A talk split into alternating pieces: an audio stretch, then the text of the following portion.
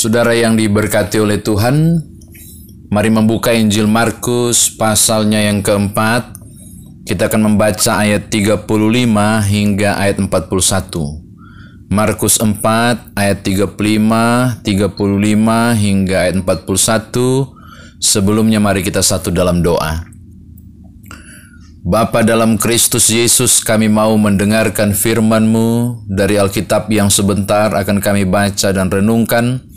Tolonglah kami beroleh hikmat dan pengertian untuk mengerti kekayaan firman Tuhan ini, lalu kemudian melakukan dalam hidup beriman kami.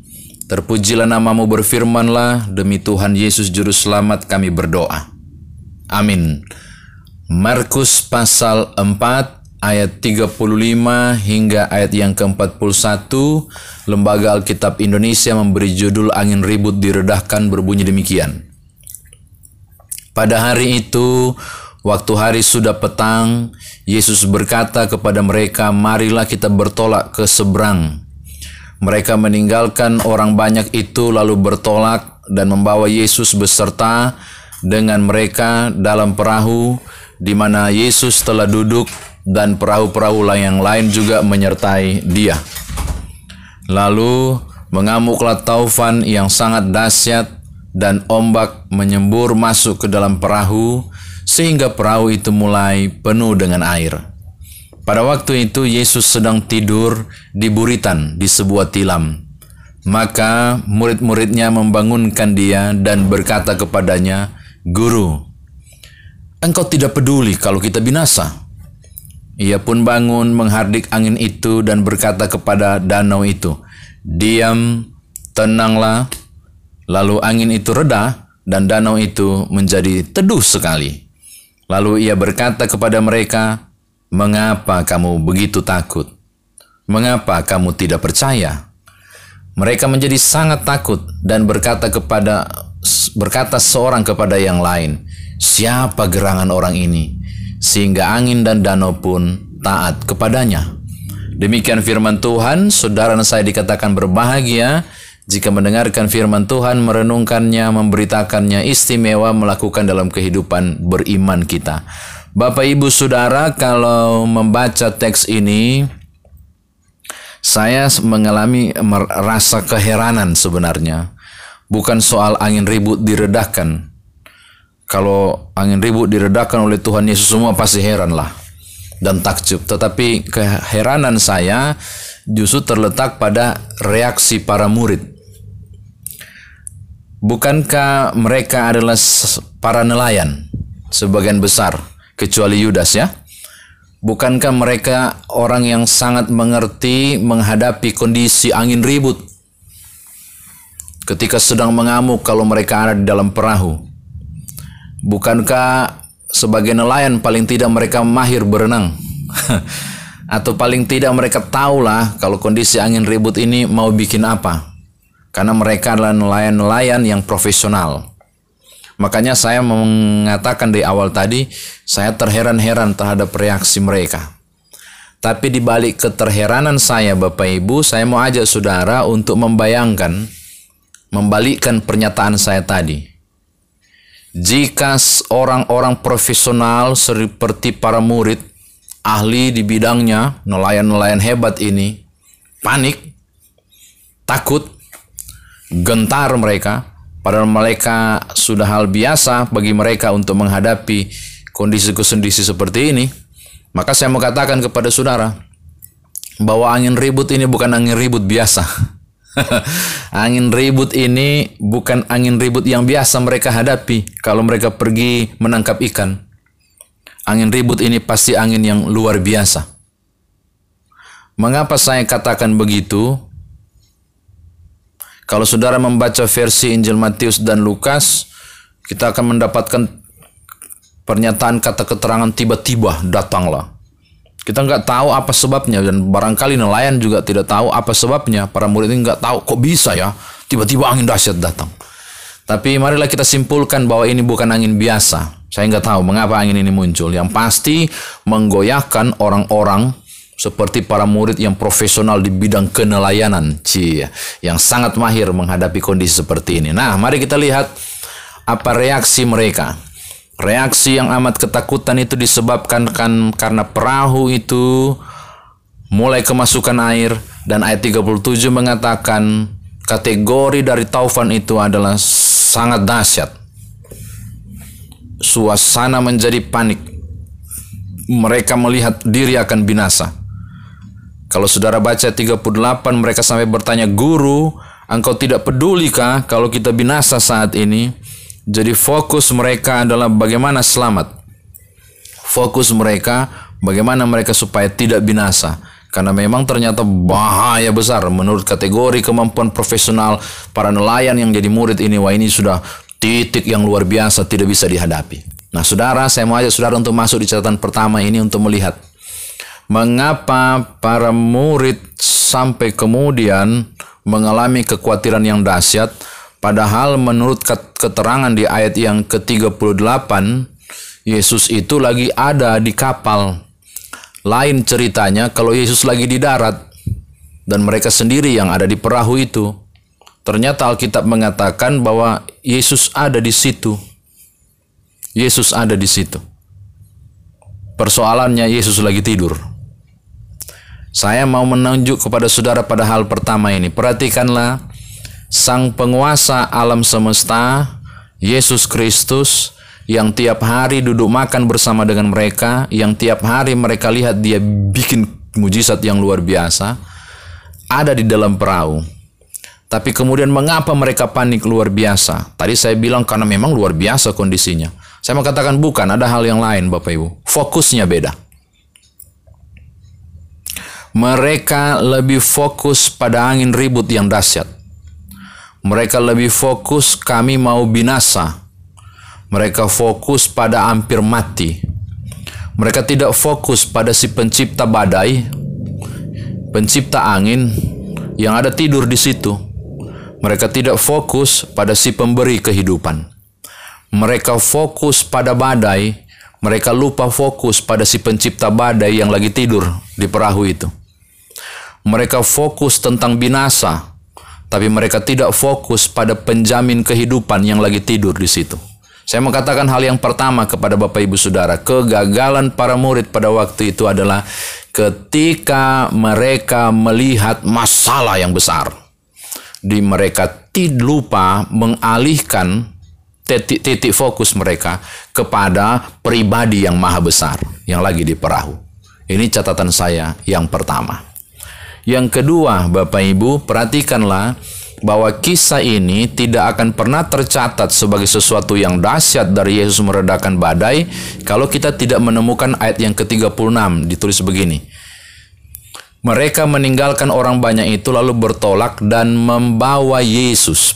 Garis bawahi kata membawa Yesus. Oh ini sangat penting. Perjalanan para murid itu terjamin akhirnya, nanti akhirnya toh mereka dilepaskan oleh badai itu ketika mereka tidak lupa membawa Yesus. Ini catatan saya yang kedua. Yang pertama tadi mereka salah fokus. Yang kedua ini mereka bawa Yesus. Yang ketiga saudara, saya tertarik pada reaksi dari Tuhan Yesus setelah menghardik angin itu. Ush, cuma dibilang, diam, tenanglah, seng. Langsung diam. Ah, pencipta badai, pen, Tuhan di atas segala kehidupan pasti mampu. Tapi saya fokus bukan ayat 39. Saya justru tertarik pada ayat yang ke-40 Ternyata ada dua hal. Ada dua hal yang jadi persoalan Tuhan Yesus yang dia lihat kepada para murid tadi. Yang pertama, mengapa kamu begitu takut? Kedua, mengapa kamu tidak percaya? Perhatikan baik-baik. Mengapa kamu tidak begitu? Mengapa kamu begitu takut? Itu bicara tentang sisi psikologi emosional seseorang bahwa acap kali kejatuhan orang percaya termasuk para murid pada waktu itu adalah desakan kondisi psikologi emosi di titik terlemah. Ketika berada pada titik yang terlemah bisa goyah. Ketakutan, kekhawatiran, atau apa pun bentuknya sisi emosional itu itu salah satu penyebabnya. Jadi Yesus mengatakan dua hal jadi masalah mereka, ketakutan mereka dan yang kedua ini dia iman atau percaya. Bapak Ibu, ayat 40 ini berbeda ya dengan ayat 41. Ayat 41 juga bilang mereka menjadi sangat takut. Ini beda. Kalau takut yang pertama, mengapa kamu begitu takut? Itu dari bahasa Ibrani deilos. Kata deilos ini memang diterjemahkan dengan kata takut. tapi lebih pada khawatir yang besar, khawatir dan down, psikologinya down. Deilos itu sebenarnya di situ makna dari kata deilos dan diterjemahkan dengan mengapa kamu takut.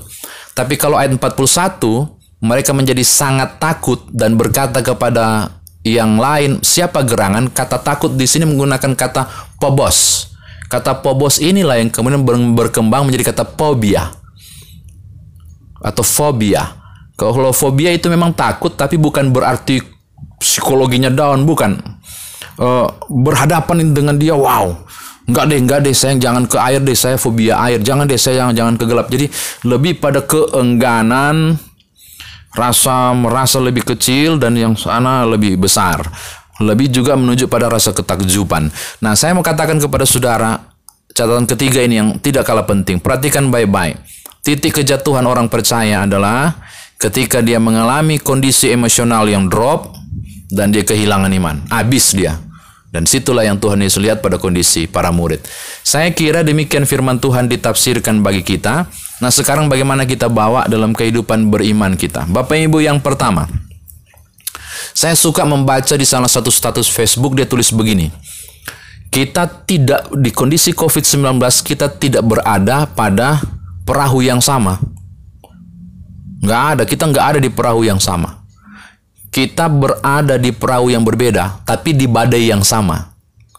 Karena itu tiap-tiap perahu membutuh uh, memiliki kemampuan bertahan berbeda-beda di tiap isi perahu, tergantung fasilitas, tergantung skill dan seterusnya. Tapi badainya tetap tetap sama. Saya mau katakan kepada saudara bahwa kita saat ini berada di badai yang sama, tetapi di perahu yang berbeda. Di kondisi yang luar biasa hebat ini dan sangat dahsyat, tidak ada seorang pun yang mampu memperkirakan kapan badai ini berlalu. Dan untuk saudara ketahui, kekuatan kapal itu bertahan tergantung pada berapa lama badai itu.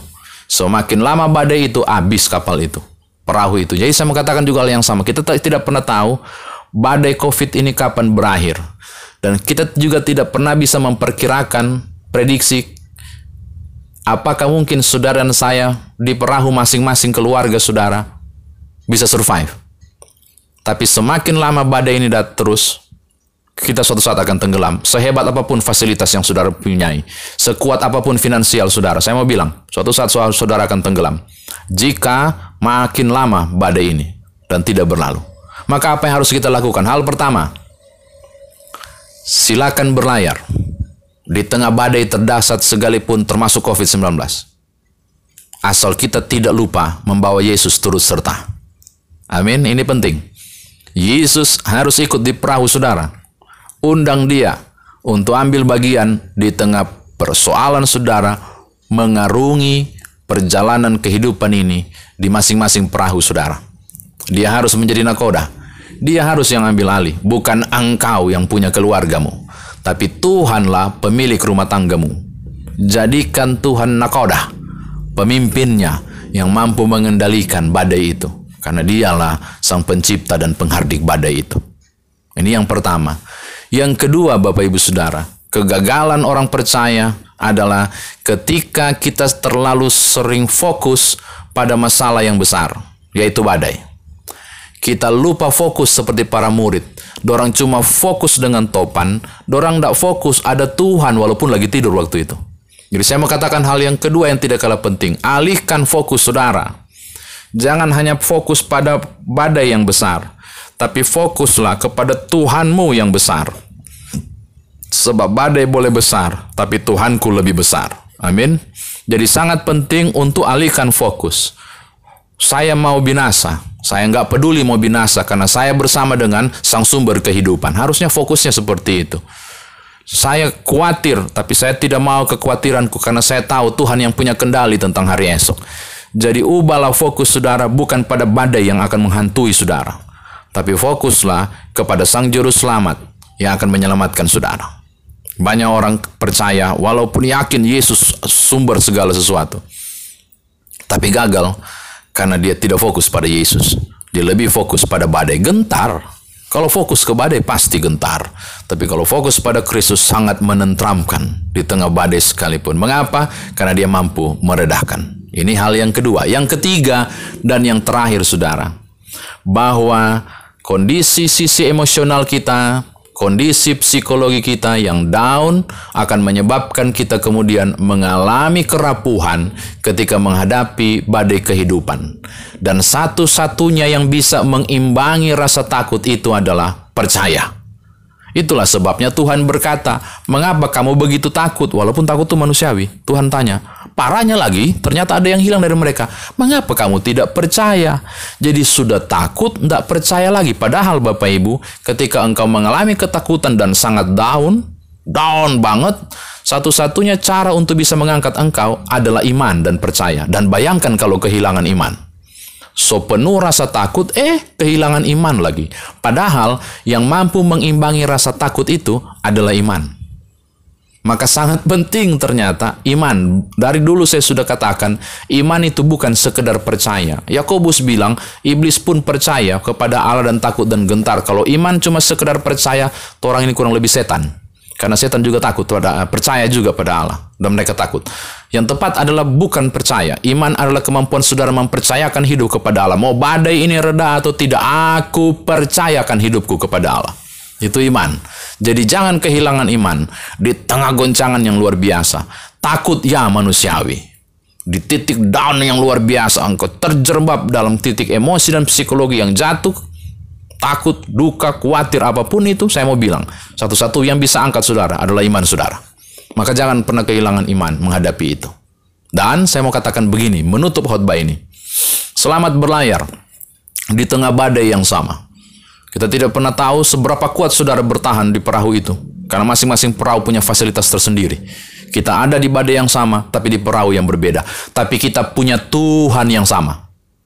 Jangan pernah melupakan Tuhan dalam perjalanan pelayaran saudara di tengah COVID ini sekalipun, di tengah badai mana, mana macam pun, karena kita percaya ia mampu meredakannya. Tuhan berkati Bapak Ibu Saudara. Haleluya. Amin. Bapak Ibu, mari kita berdoa. Bapak kami bersyukur firman Tuhan ini sudah kami dengar. Terima kasih, terpujilah namamu, menguatkan kami. Tolonglah kami, agar kami tidak kehilangan iman tapi justru biarlah iman kami semakin kokoh dan teguh. Ketika takut datang menerjang kami di tengah badai kehidupan yang tak mudah ini, kami mampu bertahan juga karena kehadiran Tuhan di tiap gumul iman kami. Jangan tinggalkan kami, kami butuh Engkau. Terpujilah namamu, demi Tuhan Yesus Juru Selamat kami berdoa. Amin.